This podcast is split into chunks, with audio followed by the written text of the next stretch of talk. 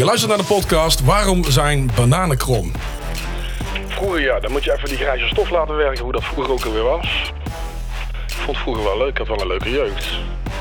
Het gevolg was alleen dat mijn ouders op een gegeven moment op rapportbespreking moesten komen. En eh, dan wordt je rapport voorgelegd. Maar ook de tekening die je had gemaakt. Dat is een goede vraag. Als ik bij iemand geen goed gevoel heb, dan verkoop ik hem ook niks. Zei ze gisteren ook. De vraag is dan waarom zijn bananen krom? Waarom doe je wat je doet? Patrick, jij eh, bent op dit moment eh, tien jaar ruim eigenaar van eh, DKM Solutions. En jouw weg hier naartoe is niet makkelijk geweest. Hè? Je hebt van alles meegemaakt. Wat voor jongen was je eigenlijk? Ik was heel speels. Ik was wel een, eh, ik, ik was wel een lieve jongen, dat weet ik zeker. Ik had, ik had zelden tot nooit ruzie. Ik was ook geen meeloper. Ik hoorde niet bij de, de stoere jongens van de klas, maar ook niet bij de nerds, zoals ze dat tegenwoordig noemen. Maar nee, dat viel eigenlijk wel mee. Het was alleen meer op een gegeven moment dat je dan vanuit groep 8 naar het voorgezet onderwijs gaat. En dan, dan ben je getoetst op een bepaald niveau. En ik heb daar een bloedhekel aan in de, in de maatschappij waarin we nu zitten. Dat iemand eh, laag opgeleid wordt of hoog opgeleid wordt. Ik ben van mening dat iemand praktisch of technisch wordt opgeleid. Maar goed, destijds had ik, eh, ja, ik had wel concentratieproblemen. Ja, dat klopt. Ik was met andere dingen bezig. Dus ik kreeg het stempeltje dat ik, eh, dat ik naar een VMBO-opleiding moest gaan. In plaats van de MAVO of de HAVO. En dan moet je een, een, een keuze maken van, van een vak. En dat vond ik heel lastig, ja. Ja, ik weet nog goed dat wij een tekening moesten maken in groep 8.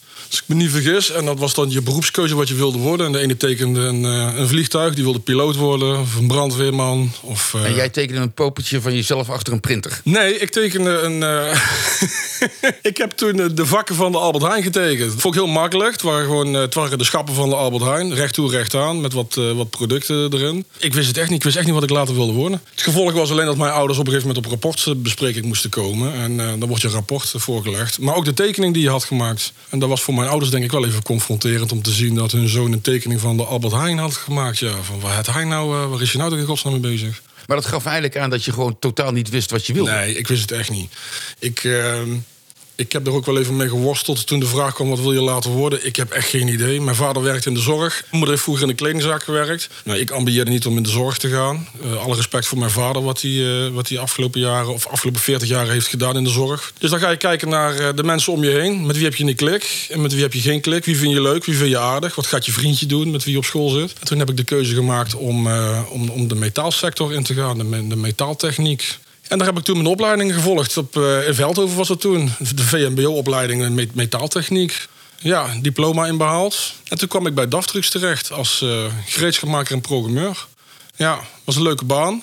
Ik heb dan nog een, ik was vier dagen werken, één dag in de week naar school. Van, van een lomp stuk ijzer maakte ik een onderdeel en dan ging ik mee de fabriek in om, eh, om dat onderdeel te vervangen. En dan hielden we de productie op gang. Dus ik stond niet aan de band.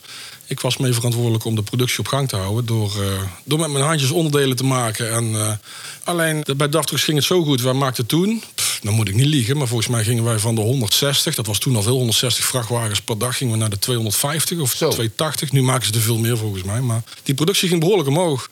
Dus toen kwam de vraag of wij in de ploegen wilden gaan werken. En dat vond deze jongen niet zo leuk. Hoe oud was je toen? Ja, ik, eh, ik was toen volgens mij eind 20, midden 20. En ik ging ook wel eens op stap.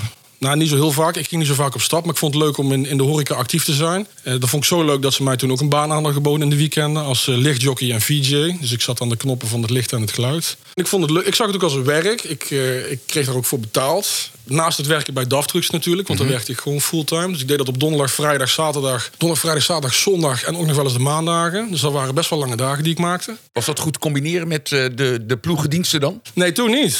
Nee, dan raakten we wel in conflict. Ja, en Dus dat, moest je keuzes gaan maken. ja, dat is niet leuk geweest. In de tussentijd eh, kreeg ik nog een, eh, nog een vervolg aangebo- vervolgbaan aangeboden als horecaportier. Dus ze dachten van, nou, die vent is groot, die kan goed lullen en kletsen. Die moeten we aan de deur hebben.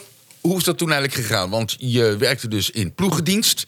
Je werkte daarnaast in de horeca als uitsmijter, laten we zeggen, als, als, als bouncer. Had je toen zoiets van, ik blijf dit de rest van mijn leven doen bij? Nee, ik, ja, toen wel. Want ik dacht, nou, vast inkomen, dat is leuk en dat is fijn. En ik had echt een goed salaris. Zeker met, die, eh, met de horeca erbij opgeteld. Ik verdiende best wel leuk geld. Maar of dit nou mijn toekomst was, ik was nog steeds zoekende. Ja, omdat ik merkte dat ik het leuk vond om met mensen eh, te werken in de horeca. Dacht ik van, nou, misschien moet ik iets met, meer met beveiliging gaan doen. Toen ben ik gaan solliciteren bij het leger. Toen kwamen die reclamespotjes voorbij. was wel grappig. Ik ben door de test heen gekomen. Eh, op eentje na, ik, ik was te dik. Ik moest 10 kilo afvallen. Ik dacht, ja, stik de moord. Jullie zijn op zoek naar... eh, je krijgt reclamespotjes die zie je voorbij komen. Iedereen Wij- mag langskomen. Wij zoeken mensen, kom bij Defensie. Ik dacht, nou is goed, hier ben ik dan. Dan zeggen ze, je bent te dik. Ja, zoek het uit, dan, eh, dan hoeft het voor mij niet meer. En ehm, toen kwam op mijn pad dat ik de uitnodiging kreeg om bij een ICT-bedrijf zoals accountmanager op gesprek te komen. En ik had totaal geen idee wat ik daar ging doen. En ik werd toen uitgenodigd voor een gesprek.